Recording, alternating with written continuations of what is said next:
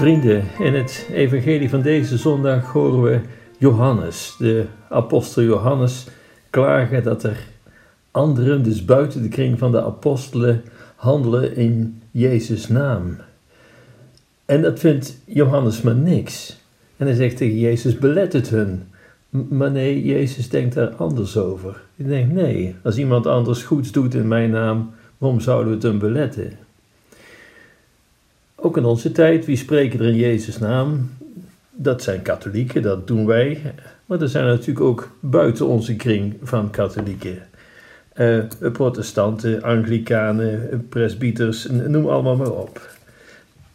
Wat ervan te denken? Ten eerste eenheid. Eenheid is natuurlijk een belangrijke factor. Eenheid tussen de christenen. Paulus wijst er, uh, vaak op. Hè. Laat er geen verdeeldheid staan. Laat er geen verdeeldheid bestaan. Come together, zongen de Beatles destijds al.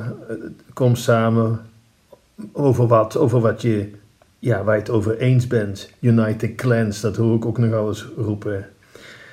Want het is waar, verdeeldheid, dat stoot buitenstaanders af. Dat, dat zie je overal. Als er in de politiek, een politieke partij, verdeeldheid is, dan doet het altijd slecht. Dan daal je in de peilingen.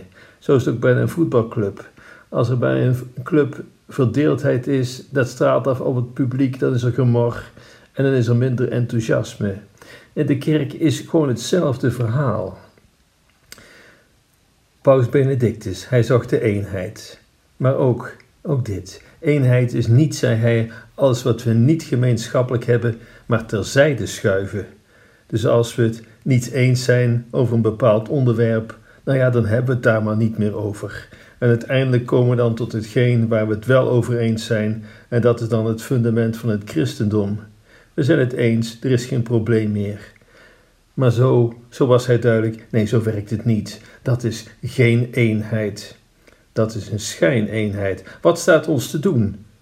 Duidelijk maken waarin wij geloven. Duidelijk maken. En dan kom je vanzelf ook bij verschillen terecht. Maar dat is niet erg, want dan kun je tenminste een gesprek aangaan. Benedictus was een paus van de duidelijke statements.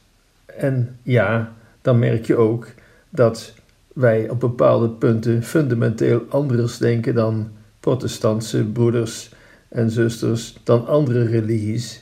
En vaak krijg je dan de reactie, dat is niet ecumenisch, dat zaait verdeeldheid, het is onbeleefd naar anderen die zich niet welkom voelen. Maar dat waren vooral de reacties van de media. Er waren ook andere reacties, namelijk van protestanten, van presbyterianen, van anglikanen. Wat zeiden die? Paus Benedictus, wat u gezegd hebt, die duidelijkheid, die heeft ons geholpen. We zijn er blij mee. We zijn blij dat u ons duidelijk maakt wat, waar de katholieke kerk voor staat. Want dat horen we eigenlijk niet vaak. En dan kunnen we er ook inhoudelijk over praten. Ja, het is waar, er valt niks te bespreken als je de specifieke eigenheid niet mag benoemen. Het is toch raar dat katholieken er dan negatief over spreken, in het geval van Benedictus, en de niet-katholieken dankbaar zijn.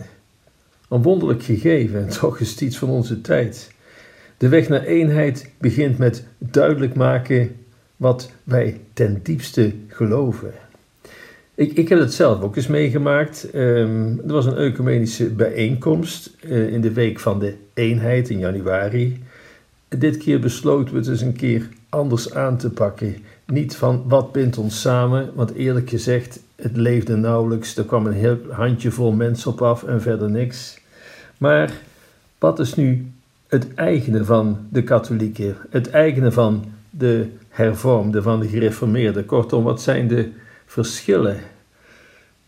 Um, we verbaasden ons, maar het zat stampvol. De mensen kwamen erop af. En misschien is het wel goed, want als ik het eigene zou vertellen over de katholieken, dan zouden waarschijnlijk ook een hoop katholieken ineens begrijpen wat katholiek is.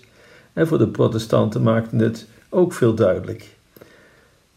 Het spitste zich uiteindelijk vooral toe op het ontvangen van de communie.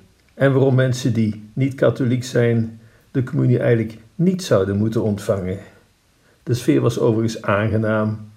Ehm, het was gemoedelijk. Maar toch, naderhand, er waren een paar katholieken die waren zeer verontwaardigd, want ik zou zorgen voor verdeeldheid. En men snapte niet dat de kerk nog steeds zo denkt en ik sloot mensen uit. Dat was de reactie van een paar katholieken. Het protest kwam niet van de protestanten, want ja, die waren buitengewoon dankbaar. Het was voor het eerst dat ze hoorden waarom de katholieke kerk eigenlijk vindt dat niet-katholieken de communie niet zouden moeten ontvangen. En ze waren er dankbaar voor.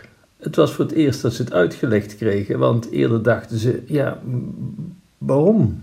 Waarom is dat eigenlijk? Het is een beetje dezelfde reactie als Paus Benedictus destijds ontving. Hoe kom je tot meer eenheid? Niet door alleen maar te focussen op de grootste gemene deler. want uiteindelijk leidt dat volgens mij tot een zekere onverschilligheid. het maakt niet zoveel uit wat je precies gelooft. Het is toch allemaal een beetje hetzelfde. Nee, dat is niet zo. Het maakt wel degelijk wat uit. Wees duidelijk. Het, niet, het is niet zo dat je daardoor mensen afwijst. Dat is niet zo. Als jongeren geïnteresseerd zijn in het geloof en ik kom ze her en der tegen, dan stellen ze vragen en die redelijke vragen en ze hebben graag antwoorden.